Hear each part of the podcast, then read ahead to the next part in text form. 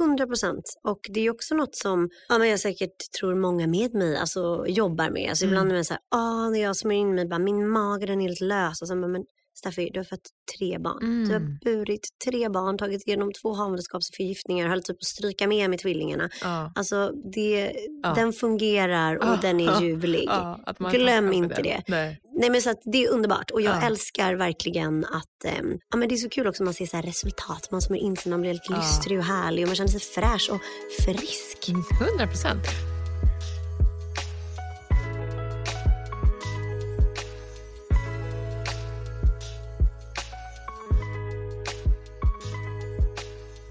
Välkomna till ett nytt avsnitt i serien Under skin med Lovisa. Denna vecka har vi en kvinna som gick från att vara inköpschef till att bli influencer och vill sprida sin syn på livet som tvillingmamma, även mamma till en liten dotter, och livet med Crohns sjukdom. Stephanie Strauch, välkommen! Tack snälla, så kul att vara här. Ja, sa jag ditt efternamn rätt nu? Faktiskt, alltså Åh. det är stort. Det är mycket frågetecken kring det, men det är Strauch. Är du tysk från början? Ja, jag är eh, 25% tysk eh, från min pappas Mm. sida och sen så eh, min mammas eh, pappa är från Tunisien, så att hon är halvtunis. Så att Mm. eh, jag är en liten mix. Gud vad Mhm. härligt. Ja. Det Allt känns alltid kul att vara från lite olika kulturer. Jag är bara så här helt svensk. Det känns så här, jag ska göra ett sånt här test tänkte jag göra med, vet, eh, där man ser lite olika presenter. Har du gjort något sånt? Nej, men alltså jag är så intresserad av alltså, släkt och var man kommer ifrån. Och, så att, eh, alltså, jag hade verkligen velat så typ släktforska. Ja, jag med. Det känns så spännande. Alltså, jag vet inte, det känns någonting med ens rötter som man, jag vet inte. Ja, men det är så mycket typ man inte vet känner Mm, jag. Så här. mm. Förstår du? Det är super. Det hade varit, jag hade också velat göra det. Ja, tänk om man fick reda på att man var så här, 5% grek. Alltså, Nej, men alltså så spännande. jätte. Ja. Man bara, okej, nu firar vi, eller jag vet inte vad de firar i Grekland. Jag vet inte heller, men med eh, moussaka och eh, Exakt, fetaost. Och, eh, ja. Exakt, då hade man anammat det. Men hur mår du? Hur är läget med dig? Jo, men det är bra. Det var eh, en liten stressig morgon Mm. eh, med barnen som, Mm.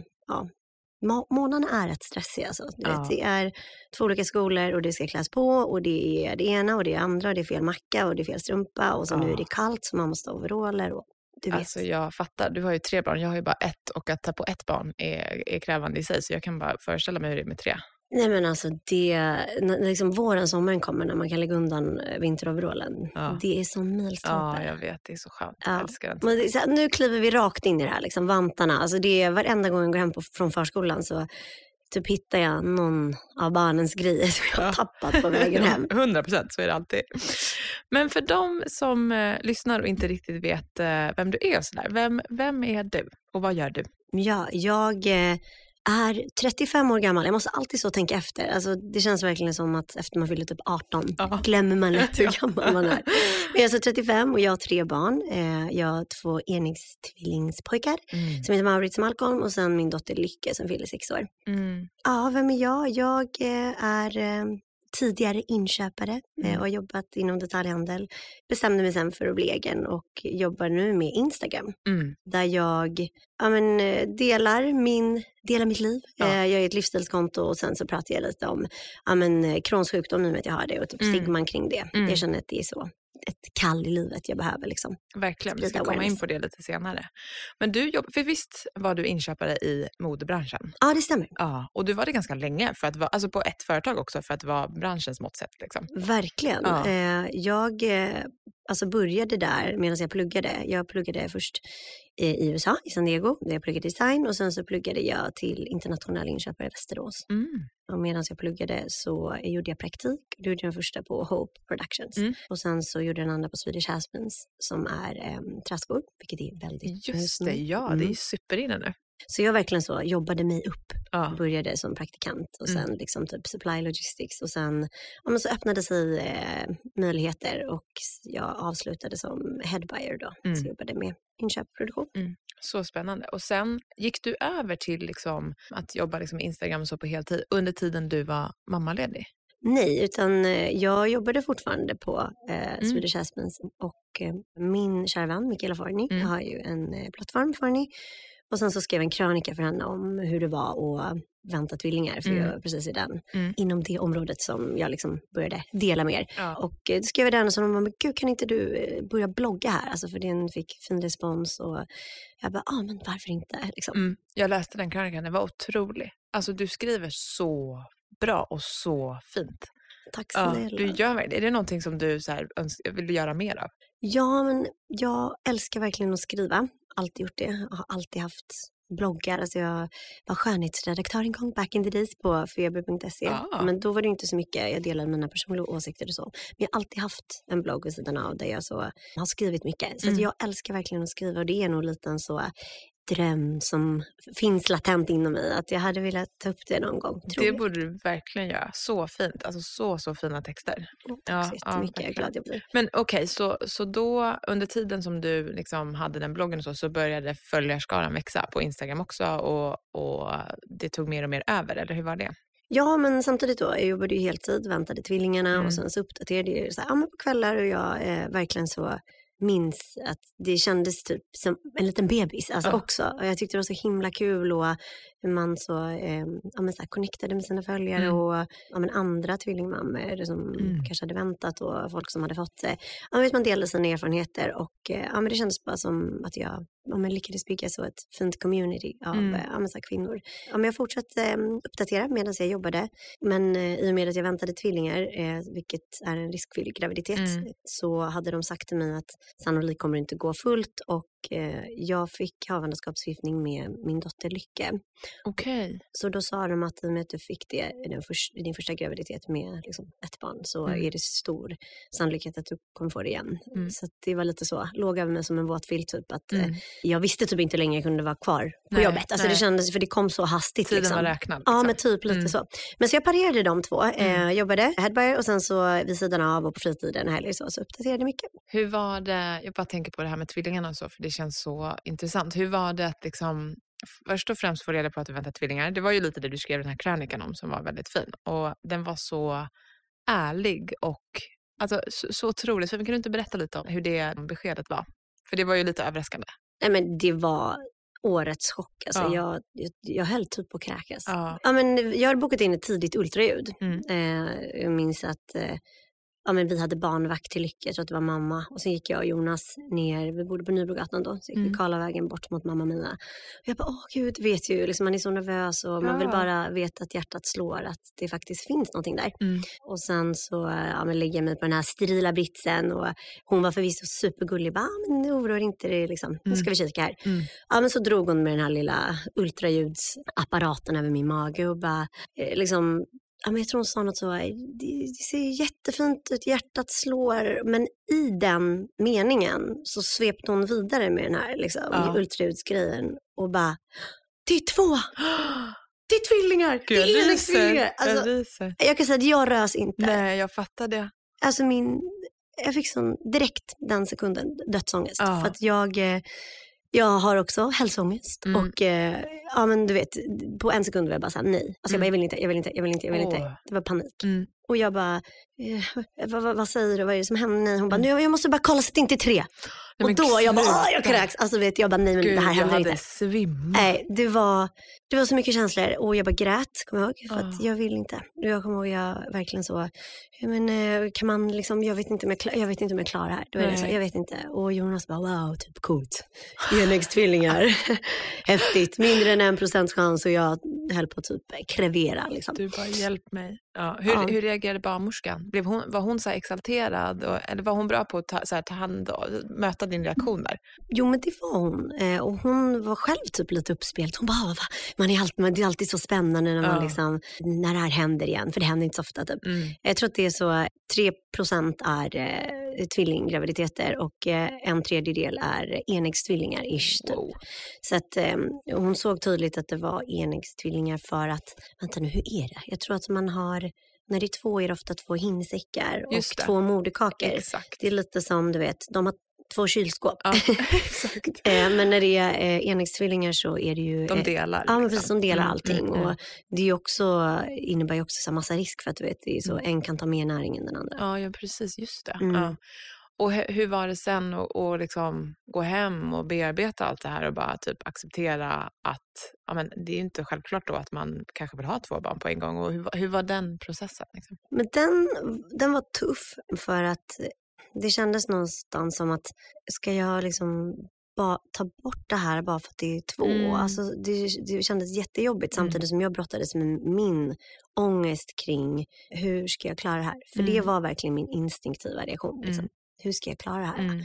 Och så kom jag hem till Lycke och eh, jag kommer ihåg att vi började skratta. Alltså du vet, man, så- man vet inte om man ska skratta eller Nej. gråta. Och när jag berättade för mina närmsta då, det var så kul för att alla bara liksom, är det här någon det händer så är det dig Steffi. För att det är saker, knasiga grejer, inte knas, men du vet bara lite så udda Ja. saker. De händer alltid mig och jag vet liksom inte Jag älskar sådana människor. Ja, men det, det, är liksom, det var ingen som bara, alltså det är helt sinnessjukt. Alla bara, ja men det är klart att det är liksom. Men- alla var supersupportive och bara, Mm. du, du kommer lösa det om du vill lösa det. Och om du inte känner att du klarar det så är det fine. Liksom. Mm. Det är ett tufft beslut och vi står liksom, Ja. och det säger Jonas med, alltså det är ändå någonstans och ditt beslut. Även Mm. om jag gärna ser Mm. att vi behåller dem. Men det var inte så klart. Nej, det fattar jag. Men när du tänkte så här, kommer, kommer, jag, kommer jag klara det här och, och kommer jag inte klara det här? Tänkte du då fysiskt?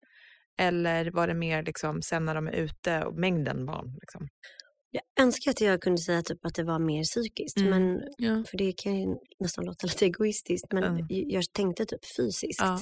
I och med att eh, jag har eh, varit med om mycket liksom. Mm. Och har en eh, ja, men, eh, IBD, alltså jag har en Mm. kronisk tarmsjukdom. Mm. Jag har massa ärrvävnad i magen och jag har varit väldigt sjuk under min uppväxt. Och fick havandeskapsförgiftning med Lycke som jag liksom gick i terapi Oj. efter länge för Ja. det, jag fattade liksom ingenting. Nej. När jag fick medicin sen och ja, du vet, jag bara, men det här ska inte jag ta. Alltså Nej. vadå, vad menar ni liksom? Mm. Vad är det som sker? Ja. Så det var mycket så känslor som kom upp och eh, jag var orolig för typ att jag skulle dö. Ja.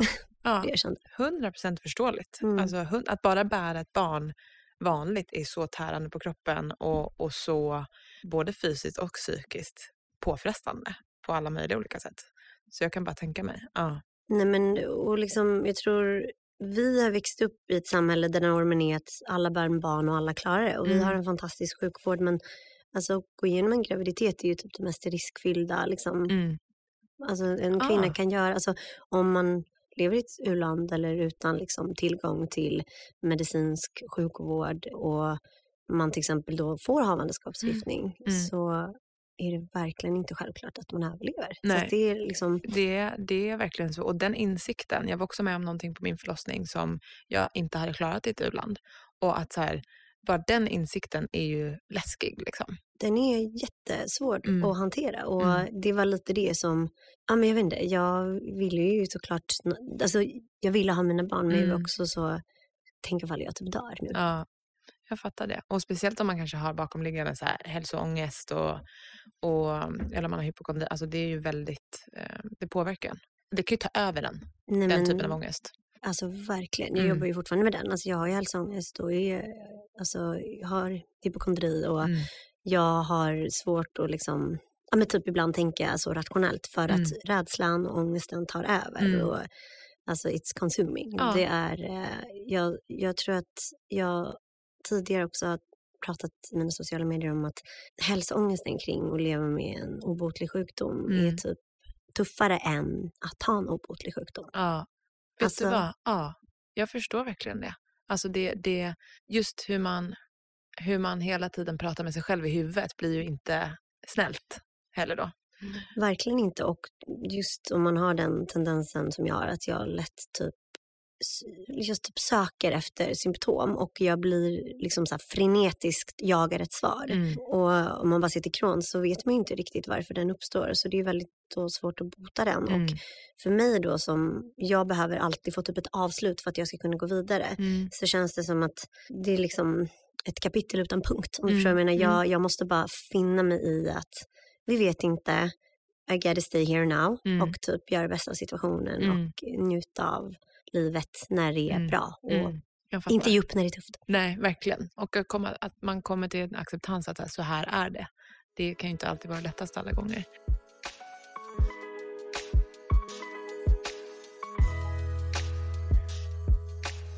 Men hur var det, om vi går in lite på Crohns och, och den liksom diagnosen och sjukdomen. Hur var det, för du var 12 år när du fick den diagnosen. Hur var det att gå igenom det vid så ung ålder? Det var, det var väldigt tufft och ehm, ja, men du vet i en så turbulent ålder där man typ försöker hitta sig själv och passa in och vem Mm. är jag? så ska man behöva tampas med att bli väldigt sjuk och det är så mycket stigma kring just bajs när man är Mm. bajs och mage. Mm. Jag försöker ofta bara säga bajs för att om typ någon 100%. yngre lyssnar, alltså det, det är bara bajs, oh my god, everyone bajs. poops. Alla. 100%. Så det var jättetufft att typ behöva så acceptera att jag kommer alltid vara sjuk Mm. och någonstans försöka landa i att sjukdomen definierar inte den jag är. Och det tog många, många år Mm. och det har varit många år av skam och ångest och självhat skulle jag Mm. säga. Mm. Men, och där när du, var, när du var 12, jag läste, när jag gjorde lite research om dig så läste jag någon artikel om att du fick sondmatas och i flera månader. Gick du i skolan då samtidigt som det här hände? Det måste varit så tufft, i, precis som du sa, i den tiden man bara vill passa in och typ vara normal. Så var det, em, som sagt upptäcktes när jag var 12 och eh, jag hade jättemycket så här, blod i bajset, Mm. vilket man har för att jag, man har en djup inflammation i magen som gör att eh, får man inte bukt med inflammationen så behöver man operera bort delar av tarmen och mer och mer och ju mer omfattande det är så kan man sen få stomipåse på magen. Eh, så man får ta bort hela tarmen och sy det igen, liksom, Mm. så mina föräldrar då märkte att eh, jag eh, slutade växa. De, jag blev så pass smal att de bara, varför köper vi större storlekar till hennes två och fyra år yngre syskon men hon står bara still, hon har ont i magen och eh, det är liksom, jag hade ingen ork, typ alla mina så, prover i början Mm. innan jag fick en riktig så, utredning. För det Mm. är väldigt svårt att få liksom, bli utredd Mm. i den omfattning man behöver om man har IBD. Så ehm, ja, men det var, de, de liksom, hon är så smal och liten och mår inte bra, orkar Mm. ingenting. Nej. Jag eh, behövde till slut sondmatas Mm. och eh, gjorde det då i samband med att jag uppdagades att jag hade Crohn. Så jag hade det först i åttan Mm. och det var jättejobbigt. Så jag hade en slang då som Mm. man trär ner genom näsan, ner i svalget, som Mm. går ner i magsäcken. Sen satt den klistrad på kinden med en tejp och Just sen så fick jag, eh, mm, på natten så kopplade man på en maskin Mm. som eh, ja, men pumpade in näring ner Mm. i min kropp i och med att min tarm var så pass inflammerad och trasig. Jag hade så mycket ärrbildning att min kropp inte kunde tillgodose den näringen jag åt via mat. Nej. Den kunde inte ta upp liksom, näringen då? Den kunde inte Nej. ta upp näringen för tarmen var så trasig och Mm. för att inte prata om den smärtan. Alltså. Mm. Wow. Det var första gången, sen så fick jag det faktiskt en gång till för att jag gick upp några kilo, de var Mm. jättenöjda. Och sen så i nian så blev, så blev jag liksom ordentligt sjuk igen och så Mm. tappade jag allting igen. Och eh, då var jag tvungen att ha det under eh, sommarlovet och till första ring. Och jag kommer ihåg att det var så tufft och jag så här, snälla bara få ta bort det till första ring. Liksom. Mm. Jag skulle börja i en ny skola ensam och jag bara, Ja. jag vill inte Var jag vill inte att, tjejen. nej, men inte vara den tjejen att de ska döma mig och jag vill inte att de ska tycka synd. Jag har så himla svårt eh, med det här folk som tycker synd. För att jag, jag känner mig typ svag när folk tycker synd om mig. Jag Mm. vet att ingen vill illa liksom. Mm. Men jag låste in mig ett helt sommarlov så satt bara hemma Åh. där med den slangen. Det var jättejobbigt. Shit alltså. Vilken, ja, och också- i den åldern när man är så, så känslig och, och man påverkas av allting runt omkring en. Vad har kommit ur det? Har, liksom, nu delar du liksom med dig av det här och sprider den kunskapen till, till alla runt omkring och folk som också är drabbade. Mm. Har du känt att du har kunnat hämta styrka från det in till det du gör idag? Liksom? Alltså 100 procent. Jag känner mig ja, men jag känner mig ändå så väldigt stark. Att jag känner mig trygg i att oavsett vad någon tycker Mm. eller tänker, alltså det definierar inte mig. Det är liksom, jag eh, tar liksom take pride i att jag har gått igenom det här och jag vill liksom prata om det för att jag vill inte att unga, framförallt tjejer och killar, ska behöva känna det jag gjorde. Mm. Och då kanske man kan liksom hjälpa dem att komma ifrån den här skammen som är kopplad till allt med liksom mage och ja, men vissa har liksom stomi, vissa har sond och det kan vara, man går på toaletten liksom hundra gånger per dag och det är Mm. bara blod och det är slem och det är diarré, Mm. alltså du, man kan bajsa på sig. Alltså det är liksom, Mm. det, det, det är så tufft Ja. och behöva också tampas med andra osäkra personers åsikter om det. Det, är liksom, det får bara inte ske. Nej, och det är också så här, jag tror att Alltså, man, jag kan knappt föreställa mig, det är en av kroppens vitala funktioner som inte fungerar. Och det på, måste ju påverka en konstant. Liksom. Hela tiden. Det är, liksom, det är ju en del, liksom, skammen och stigmat kring det. Men smärtan och liksom behöva leva med alltså följderna kring Crohns och även liksom tung medicinering. Mm. Eh, jag står ju på alltså, cytostaticum Mm. idag och har gjort det i 14 år. Oj. Gick av det 2022 Mm. och sen så, för jag mådde jättebra, jag var i remission. Men sen nu i eh, januari så fick jag skov igen. Och Okej. nu i samråd med mina läkare så har vi tagit beslutet eller de tagit beslutet också. Mm. Jag är såklart med på det men att Mm. eh, det är större risk för mig att inte stå på medicinen Okej. än liksom, biverkningarna Mm. av den. För visst är det, det går liksom i skov, så man kan ha en, en bra period och sen får man en dålig period. Är det någonting som, finns det något mönster? Eller hur mycket kan man påverka själv? Alltså, eh, sjukdomen går i. Men, eh, det är, är alltså en... Först trodde jag att det var en autoimmun sjukdom för det fick jag liksom höra när jag Mm. var 12 år där. Låg Mm. på Karolinska Astrid Lindgrens barnsjukhus. Men nu vad jag förstår så är det inte en autoimmun sjukdom, den är immunrelaterad. Mm. Men det är alltså inte immunförsvaret som eh, triggar igång de här djupa inflammationerna utan man tror att ehm, det är, liksom en, det är en kombination av immunförsvaret Mm. men också vad ska man säga, tarmfloran, att den Okej. är dysfunktionell. Mm. Men det är ju någonting som gör att kroppen, för det är ju min egen kropp Mm. som gör det här till sig själv, Ja. skapar de här djupa såren i magen. Och ehm, jo men så sjukdomen går i skov. Mm. Ehm, den, eh, alltså medicin gör så att man kan, ja men sjukdomen håller sig i schakt Mm. under, ja men för vissa längre perioder, för vissa kortare perioder. Mm. Och eh, för mig så är det så tydligt att jag tror att anledningen till att jag var så himla sjuk när jag var liten var på grund av att jag och min familj inte fick den informationen om kostens inverkan på Crohns sjukdom. Mm. För idag som vuxen där jag tar mina egna beslut och kan researcha fram information har jag, alltså mår jag så bra som jag kan Ja, på grund av just kost. Så Okej. att mycket är på grund av kost. okej. Det man kan styra är via kosten. Liksom. Ja, men det skulle jag säga. Via kosten och sen rätt medicinering. Och Mm. sen så kan inte jag prata för alla, för alla har ju olika typer av sjukdomar eller sjukdomsförlopp. Ja. Men för min del så är det liksom vitalt att jag, jag behöver äta en viss typ av kost Mm. för att jag ska må så bra som möjligt. Mm. Men sen så tror inte jag heller att anledningen till att jag fick ett skov i januari, alltså jag hade fått det oavsett Ja, vad jag åt. ja. Men man kan förebygga, förstår du vad jag menar? Och kanske förlänga dem, den tiden man har en bra period. Liksom. Exakt. Mm, mm. Men sen är det också, alltså jag känner ju av Crohns varje dag. Mm. Eh, Just idag då lägligt skulle jag lämna sånt här avföringsprov. För jag måste var tredje månad ta blodprover och Mm. kolla hela tiden så att inte mina organ påverkas av ett medicineringen i och med att det är liksom en typ av cellgift. Ja, Och två, bara se att sjukdomen, alltså inflammationen inte triggas och går just upp. Ja. Så as I stood there this morning och grävde i mitt eget bajs, alltså det, det är så liksom, det är inte superkul, man har gjort det så Nej. mycket och Man blir ni- van till slut. Man är också förälder så man är så här, ja, ja. Ja men Ja. verkligen. Jag tänker så här, alla ni som kanske, ni som behöver göra det här, liksom, ni är inte ensamma. Jag gör det också. Men jag minns, alltså minns det var i morse, jag stod och skulle då liksom börja gräva men jag liksom stod och stirrade in i väggen för jag bara, alltså så djupt rotat inom mig att jag inte vill. Alltså jag vill inte för jag bara, jag vill inte titta. Tänk ifall det är blod, tänk ifall det är slem. Då Ja. vet jag att det är någonting Ja. tokigt. Och det är bara så här, det är som trauma runt Ja. det. Men liksom, jag gör det ju alltid. Mm. Ja, men i alla fall så grävde jag i det där och sen så lämnar man in det och sen tittar man Okej. och ser liksom hur allting ser ut. Men som sagt, kosten, superstor inverkan. Jag tror inte att den solitärt kan bota Crohns men den kan förebygga. Finns det no- alltså jag tänker det sker ju så mycket, och jag fattar om du inte vet det här, men jag bara eh, pratar högt. Alltså, här, finns det inte någon typ av, det sker så mycket nu med så här, probiotika och alltså, så här, tarmforskning. Finns Mm. det inte någon typ av sån, sånt liksom, tillskott som kan hjälpa? Eller är det liksom för svagt eftersom att tarmen inte fungerar från början? Liksom? Alltså nej, det, liksom, det kan förebygga så mina typ IBS-symptom. För att Okej. jag har ju också som typ alla andra Mm. IBS-symptom, men alltså uppsvullen mage. Men eh, nej, jag är också tydlig med det. Jag har gjort samarbete med olika probiotikor och så Mm. som jag tycker hjälper då just mot så uppblåsthet. Men jag är också där supertydlig med att det här är ingen produkt som Nej. kommer liksom hjälpa dig att undvika skov. För Nej. att det, är liksom, det är inte. Jag klev ju ändå av medicinen och försökte utan jag är superstolt. Mm. Men alltså, man står ju inte på cytostatikum om man inte måste.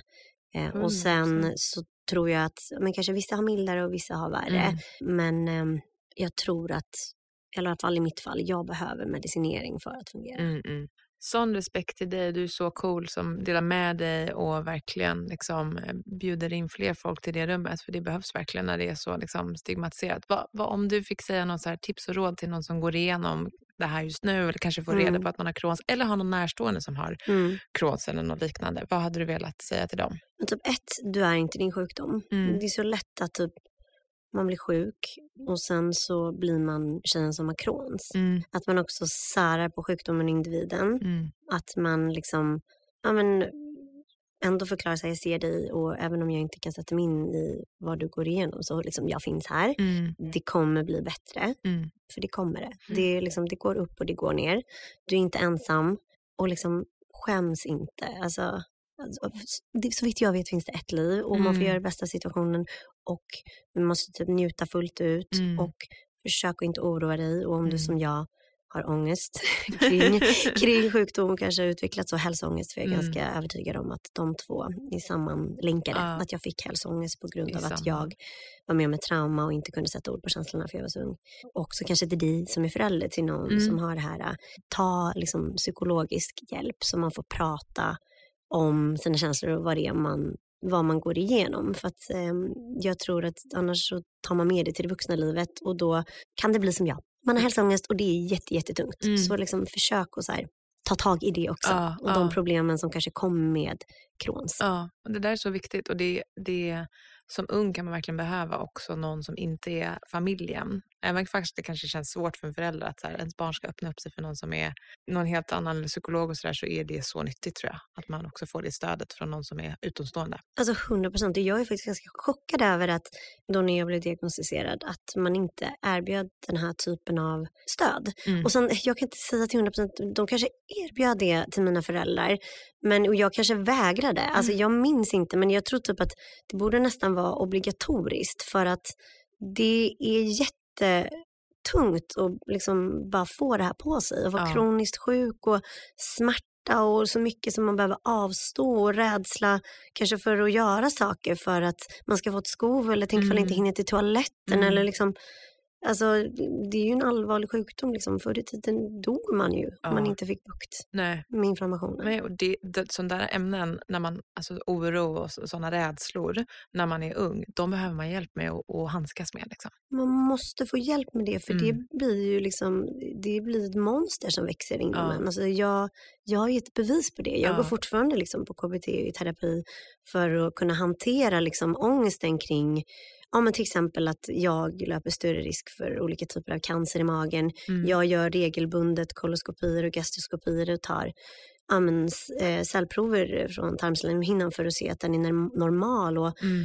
för mig är det liksom fortfarande, varje gång de kommer tillbaka och det ser bra ut, jag säger okej, nu ett år till, eh, liksom, eh, nu är det här mitt sista år, jag ska Ja. få vara frisk. Kom i, Mm. när, alltså, det blir liksom, det är väldigt tufft att hantera det. Mm. Det, blir, det blir inget fritt sätt att leva på när man hela tiden tänker att tiden är räknad. Liksom. Exakt, så det blir lite som att man, är, man lever i sitt eget fängelse. Mm. Och jag gör det fortfarande, jag jobbar fortfarande med det. Men till liksom, ja, men alla föräldrar och eh, jag tycker verkligen att man, eh, man behöver stöd. Man Ja. behöver få prata av sig Mm. och eh, liksom någonstans försöka landa i att man kan inte ha kontroll över Mm. framtiden men att man någonstans måste njuta och leva här och nu och Mm. ser allting bra ut, inte oroa sig. Mm. Och jag pratar till mig själv också, Ja. oroa dig inte Steffi.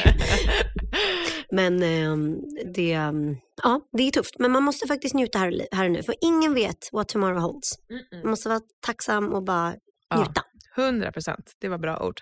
Men vad, du var inne lite på att du går i KBT och så här för att eh, jag tänker på om vi ska komma över till hur man hanterar så här, stress och vad man gör för att må bra och så. Och, och du går i KBT och så här, finns det någonting annat du gör för att ja, men hantera stress och ångest och må bra? Liksom? Hur ser din rutin kring det ut? Om du har någon. Alltså jag dansar väldigt mycket. Till allt. Älskar! Hemma. Alltså, jag brukar göra det på Instagram. Ja. Och folk bara, åh cringe. Men herregud, man kan inte, man kan inte sluta bara mm, leva och ha kul och må bra för att eh, någon tycker att man är lite tokig. Nej men skämt åsido. Men jag älskar att dansa. Jag lyssnar på hög musik alltså, och bara liksom dansar loss hemma. Typ städar och dansar. Alltså städningen blir ju inte så bra och Jonas är så, jag fattar varför för du bara typ flaxar runt liksom. Eh, men sen också tycker jag om, jag älskar ju quotes. Ja. Alltså jag tycker om så inspirationssidor med olika typer av quotes. Mm. Och jag, eh, ja, men jag får så jättemycket styrka av det när, när man liksom typ landar i att så här, livet är här och nu. Ja. Man kan inte kontrollera allting. Nej. Du kan inte kontrollera egentligen någonting annat än hur du är, hur du reagerar, Mm. hur du väljer att vara som person. Mm. Och jag säger inte att jag är klar, men jag känner ändå att för varje så år som går så känner jag mig lite tryggare i mig själv och eh, jag embracear, alltså att vad som, oavsett vad som händer så måste jag leva mitt bästa liv här och nu Mm. Mm. och inte liksom få panik över saker jag inte kan kontrollera, för Ja. jag kan inte kontrollera. Nej. Det där är så sant. Det är som, eh, jag ska säga en quote nu då. Ja. För, jag, jag kommer säkert säga den helt fel. Men det, är- det är väl någon som är så här, ge mig, ge mig styrka och förändra det jag kan. Och ge mig acceptans och förändra det. Eller ge mig acceptans att acceptera Tera. det jag inte kan. Typ. Något sånt där. Exakt, och jag tycker det är så här, man kan applicera det på allting. Mm. Alltså så även sjukdom. Liksom. Jag har verkligen accepterat att jag är kroniskt sjuk. Mm. Jag har Crohns sjukdom and Mm. I can be the face of Crohns. Det Mm. är helt okej. Om jag kan hjälpa någon annan känna sig mindre ensam, Mm. eh, mindre stigma, inte skämmas. Mm. Det är okej. liksom. Men du är inte sjukdomen heller. Nej, men jag Nej. är inte heller sjukdomen. Men jag är helt, jag har accepterat att det är en del av mig. Det Ja. är inte mig, men det är en liten del av Mm. mig. Mm. Och ehm, jag, ja men du vet, jag känner bara att jag kommer göra det bästa av den situationen jag har och jag kommer aldrig låta det definiera mig för jag är Stephanie oavsett. 100 procent. Så fint. Underbart.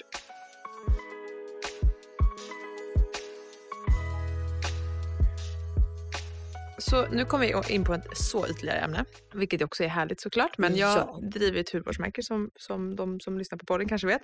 Och vi brukar alltid ha ett segment i podden där vi fokar lite på just detta. Så jag tänker att vi Älskar. rör oss över till det nu. Hur, hur ser din hudvård... Är, är hud och hårvård någonting som du liksom tycker om och har som en rutin eller tycker du är mer så nödvändigt ont? Liksom?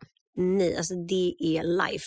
Jag älskar hudvård och jag skulle haft med det också när du frågar om jag gör någonting Mm. for mindfulness. Alltså gud, hudvård den är ju helig. Jag tycker att hudvård är helt ljuvligt och jag blir så lugn av det och Mm. jag tar verkligen tid både morgon och kväll och ehm, smörjer in mig ordentligt. Ja, nej men det kan ju verkligen vara så här. äh, Jag har börjat göra så här, tack, eller tacksamhetsövning, det låter det kanske lite löjligt, men att här, uppskatta sin kropp. För Mm. det är ofta man bara så här, inte ser sin kropp och vad den gör, att den, så här, gud, den bär och även om man har problem, och liksom, att man är så här, gud, du, de här benen går liksom, dit jag Mm. vill att de ska gå. Och bara så här, när man smörjer in sig, alltså typ så här, ja, men bara titta på sina kroppsdelar och vara tacksam och bara så här, ja, det här är bra. Liksom. 100 procent. Och det är också något som ja, men jag säkert tror många med mig alltså, jobbar med. Alltså, Mm. Ibland är man så här, ah, när jag smörjer in mig, bara, min mage den är helt lös. Och sen bara, men Staffi, du har fött tre barn. Du har Mm. burit tre barn, tagit igenom två havandeskapsförgiftningar, höll typ på att stryka med med tvillingarna. Ja, Alltså det, Ja. den fungerar och Ja, den är ljuvlig. Glöm inte det. Nej. Nej men så det är underbart och jag Ja. älskar verkligen att, ehm, ja men det är så kul också man ser så resultat, man smörjer in sig, man blir helt lystrig och härlig och man känner sig fräsch och frisk. Mm, 100 procent. Du har så långt och fint hår. Vad, vad är din hårvårdsrutin? Gud vad roligt, alltså, som jag sa när jag kom in här, Ja. jag bara förlåt att jag kommer hit med så fett hår och eh, så här är det, jag, eh, på lördag ska vi ha barnvakt, lördagsända alla tre barnen. Underbart. Så då vill jag vara fresh, så då tänker jag att eh, jag försöker låta det gå så långt mellan tvättarna som möjligt. Mhm. Och jag har ju faktiskt jobbat med er under your skin Ja. och jag älskar de produkterna. De är ju perfekta för mig som har fett hår. Mm. Så att ehm, jag unnar mig två stycken schamponeringar i veckan. Ja, men samma här. Ja. Ja. Och då måste man ju se till att de klaffar bra. Liksom. 100 procent. Man Mm. måste planera noggrant. Ja, ja, 100 procent. Så att ehm, två schamponeringar och sen så kör man lite inpackning och sen balsam. Och sen så älskar ju jag även produkter som man tar när man är, har tvättat håret och det är Ja. rent och klart och fönar och liksom sånt. 100 procent. Mm. Underbart ju. Nej, men det där är alltid en utmaning att, man, att glesa ut på tvättarna. Men Mm. när man väl har börjat med det och typ så når två dagar i veckan så tycker jag att man mär- märker liksom allt eftersom att håret håller sig renare längre också. Beroende på vilka produkter man använder såklart. Men, Ja, men framförallt tycker jag typ att man har en sån här period man måste avvänja sig. För att, som Mhm. sagt, jag har fett hår mm, och ehm, det blir ju, de första veckorna blir det ju fetare för att det går längre mellan tvättarna. Men sen så typ akklimatiserar ju sig håret på något ja, sätt. ja, alltså, eh, det grejen med det är att ofta när man använder produkter som har SLS i sig. Mm. SLS är det som gör till löddrar. Det är Mm. typ alltså, sulfater. Men det liksom. har ju inte ni i era produkter. Nej, precis. För att era laddar inte, det minns jag. Nej, precis. De laddar inte lika mycket som Mm. ett med, med sulfater i. Mina är slut, vill ha nya. Ja, du kommer få när du går härifrån. men, men, och det här, det här SLS, det finns ofta också diskmaskinstabletter, biltvätt. Alltså det är så Men extremt starkt. Och det, det gör liksom att det blir små mikroskopiska hål i hårbotten, som små sår, för att det blir så torrt. Och då börjar liksom ens hårbotten överproducera fett för att den vill ju make up för det där som har blivit så torrt. Och därför när man slutar med sådana produkter så blir håret, och när man använder sådana produkter, blir håret fett väldigt snabbt.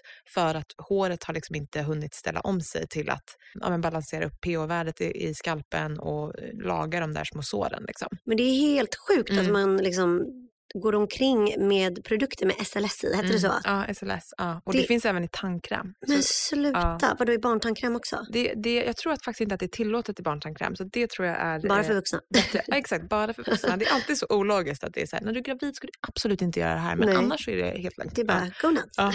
Så jag tror faktiskt inte det finns i barntandkräm, men det kan man kolla extra på. Inte de här minsta i alla fall, Nej. minsta barnen. Men eh, det där är sådana grejer som man bara inte vet om, som är lite läskigt. Ja. Ja, men det är så konstigt att det, Mm. fin- det är så mycket junk i liksom, produkter man använder som inte typ så uppdagas Mm, förrän någon djupdyker. Nej, verkligen. Det är läskigt. Också typ så här, aluminium i deodoranter. Vad använder du för deodorant? Oh, alltså jag använder eh, måste vi se, Rexona och jag har typ gjort det i alla tider. Jag, klarar, jag tycker inte tyvärr, jag använder inte så blöta deodoranter. Så jag använder så torra, men alltså God knows vad det är i den. Alltså. Ah, får... Ska du skälla på mig nu? Ja, jag, bara, jag kommer skälla på dig nu och byta över. Men vad ska man ha då? Nej, men du ska ha någon som är aluminiumfri och det, Mm. finns, det finns de som funkar. Men det, där är också typ så lite avvändning. För om du tänker på det, det, alltså ofta använder man ju då kanske en antiperspirant. Mm. En antiperspirant gör ju att man liksom, det täpper igen porerna så du svettas inte alls. Så att om du tänker på det, om du svettas typ från ansiktet eller kroppen, Mm. inte armhålan då, så luktar inte den svetten någonting. Mm. Så att, True. och, men svetten i armhålan luktar oftast för att vi har stängt in svett med en antiperspirant. Så att svetten ligger kvar och har blivit gammal. Så sen när den kommer ut så luktar den. Pass, är det så mycket bakterier där också? Bara frodas? Exakt, så det är ofta det som händer. Så när du går över till en deodorant utan aluminium eller någon Ja. som inte är antiperspirant och det kan ta tid, då luktar du mer i början och sen får du liksom, ja. Ja, så så- sommaren om man typ är på landet och inte träffar någon är Ja. typ en bra tid att liksom vänja av sig vid. Men du, alltså jag tänkte om grejer. Jag får ju ofta, alltså Mm. jag får typ finnar alltså av eh, deodorant. Eller om Mm. typ, ja, men jag får ofta det och det är väldigt, det gör ont och det är äckligt. Undrar om det, att det kan vara någonting som triggar alltså av deodoranten eller? Ja, och det kan nog vara att kanske du känner, alltså den huden är ju extremt tunn Mm. och väldigt, väldigt känslig. Så Mm. det kan vara att du är alltså, allergisk mot någonting som Mm. det innehåller. Mm. Många deodoranter är ju starka också. Eh, och många naturliga deodoranter kan också vara starka och, och göra så man inte tål dem. Så det är också så en, en eh, balansgång. Man, man får välja något som är väldigt milt. Liksom. Vi har, har du provat vår? Men nej, jag skickar få med den. Ah, ja. Skicka med och den. ge mig feedback. Ja, Ja. Men är den, har den någon doft eller? Den har en doft, ja, eh, väldigt eh, mild av eh, gurka och mynta. Oj vad trevligt. Mm. Dock för mig, alltså det här är lite nasty men alltså jag svettas så mycket. Jag Mm. fattar inte vad grejen är. Och jag, då blir jag så här, alla mina kompisar vet, jag har typ alltid en deodorant i väskan och jag typ smörjer in mig med den så 12 gånger om dagen. alltså du vet, det är verkligen så här, jag kan sitta på restaurang och bara upp med deodoranten under armarna. Ehm, men då tänker jag, då kanske det blir ännu svettigare. Alltså vet jag bara lager på lager på lager. Alltså för att jag det känner, och Ja. typ så, jag vill alltid ha någon med jätte så här, stark doft. För jag tänkte nu när du sa att den här inte hade så stark Mm, doft. mm, mm. Du Kommer den klara mina armhålor? Ja, du, det får vi se. Där, Ja. Du blir test. Ja, du får upp testa. till bevis. Ja, du får testa när du liksom inte Sweaty har... Steffi Ja, is exakt. testing it out. Du får rapportera tillbaka Ja, liksom, ja. hur det går. Men, eh, men det där är också en process som ja, är sånt som man inte vet om alltid. Liksom. Men Eh, alla andra vet för de känner, de bara ja, stinky. exakt. Stinky Steffi. Ja, gud vad härligt. så roligt. Men du, det här var så underbart. Vi börjar närma oss vårt slut nu och jag, vi har alltid så tre sista frågor Mm. som vi kan ställa. Och eh, den första är, jag kanske anar vad du kommer svara på den här då, men om du fick välja en rutin eller liksom en aktivitet som alla jordens människor skulle behöva göra varje dag, typ meditera, träna, springa, vad, vad skulle det vara? Kramas. Åh, Love more. Gud vad fint. war. Jag tror du skulle säga dansa, men krama är härligt. Ja. Ja. men kom igen, vi behöver mer kärlek här. Verkligen. Jag Jo, såg någon så här, på Instagram att man behöver typ i genomsnitt åtta kramar per dag för att, typ, ja, men, för att man ska få till och med endorfiner eller någonting. Nej men snälla, Jonas sa det till mig häromdagen och jag var svinsur. Han bara, du, du behöver en kram, man behöver åtta kramar. Jag bara, krama mig inte. Don't touch me. Men det, jag, kramas, tänk ifall alla kunde bara ge Ja. varandra en kram. Faktiskt. Det, vi behöver mer kramar i världen. Och sen andra frågan då. Vad tror du att dagens generation, vi, behöver Mm. ge till nästkommande generation, typ våra barn då, för att få dem att må så bra som möjligt? Tid. Ja. Men liksom, jag känner ibland typ att jag har mitt face ner i min typ, skärm hela tiden. Mm. Jag har samtidigt tagit bort iPadsen. Mm. eh, för mina barn. Mm. På grund av att jag såg ett klipp där eh, dopaminet kids får när de kollar, scrollar på iPad kan inte mäta sig med något annat. Oj. Så ingen typ lek eller inget annat är kul om man har den. Men samtidigt tar jag nyllet ner i den hela tiden. Mm. Och jag är så ändå medveten om det för jag är så här, mm, jag Man måste är så fast. man är så fast och du vet man släpper inte sitt jobb och det jag måste bara svara på det här mejlet, jag måste Mm. bara göra det här, jag Mm. måste, måste, måste. Men jag måste ingenting. Jag måste Nej. ge mina barn, mina kära tiden. För Ja. tiden är ju det finaste vi har. Liksom. Ja. Nej, men Ge tiden att se, lyssna, vara närvarande. Bara Mm. där.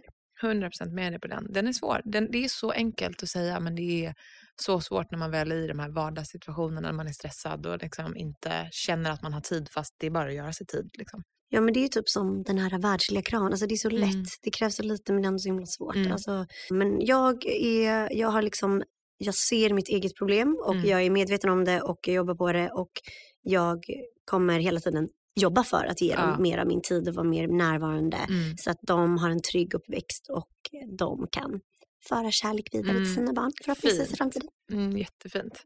Och i sista frågan då. Vem hade du velat ha som gäst i podden? Här. Oh, gud vad spännande.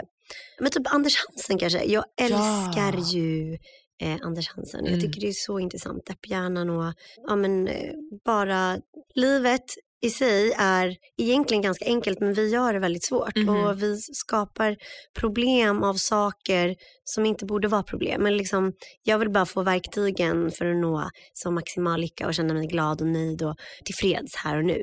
Och jag jobbar också med det hela tiden och känner Mm. att jag kommer fram. Men jag tycker att han är väldigt inspirerande att lyssna på. Ja, väldigt. Han förenklar saker. Det är lätt att förstå. Man, man får många så aha-tankar Mm, när, man, när, man, eh, när man lyssnar på honom. 100%. Ja, bra tips. Tack så jättemycket för att du kom hit och delade med dig av allting. Och eh, Så roligt att ha dig här. Ja, men tack snälla, det var jättekul. Mm. Superhärligt.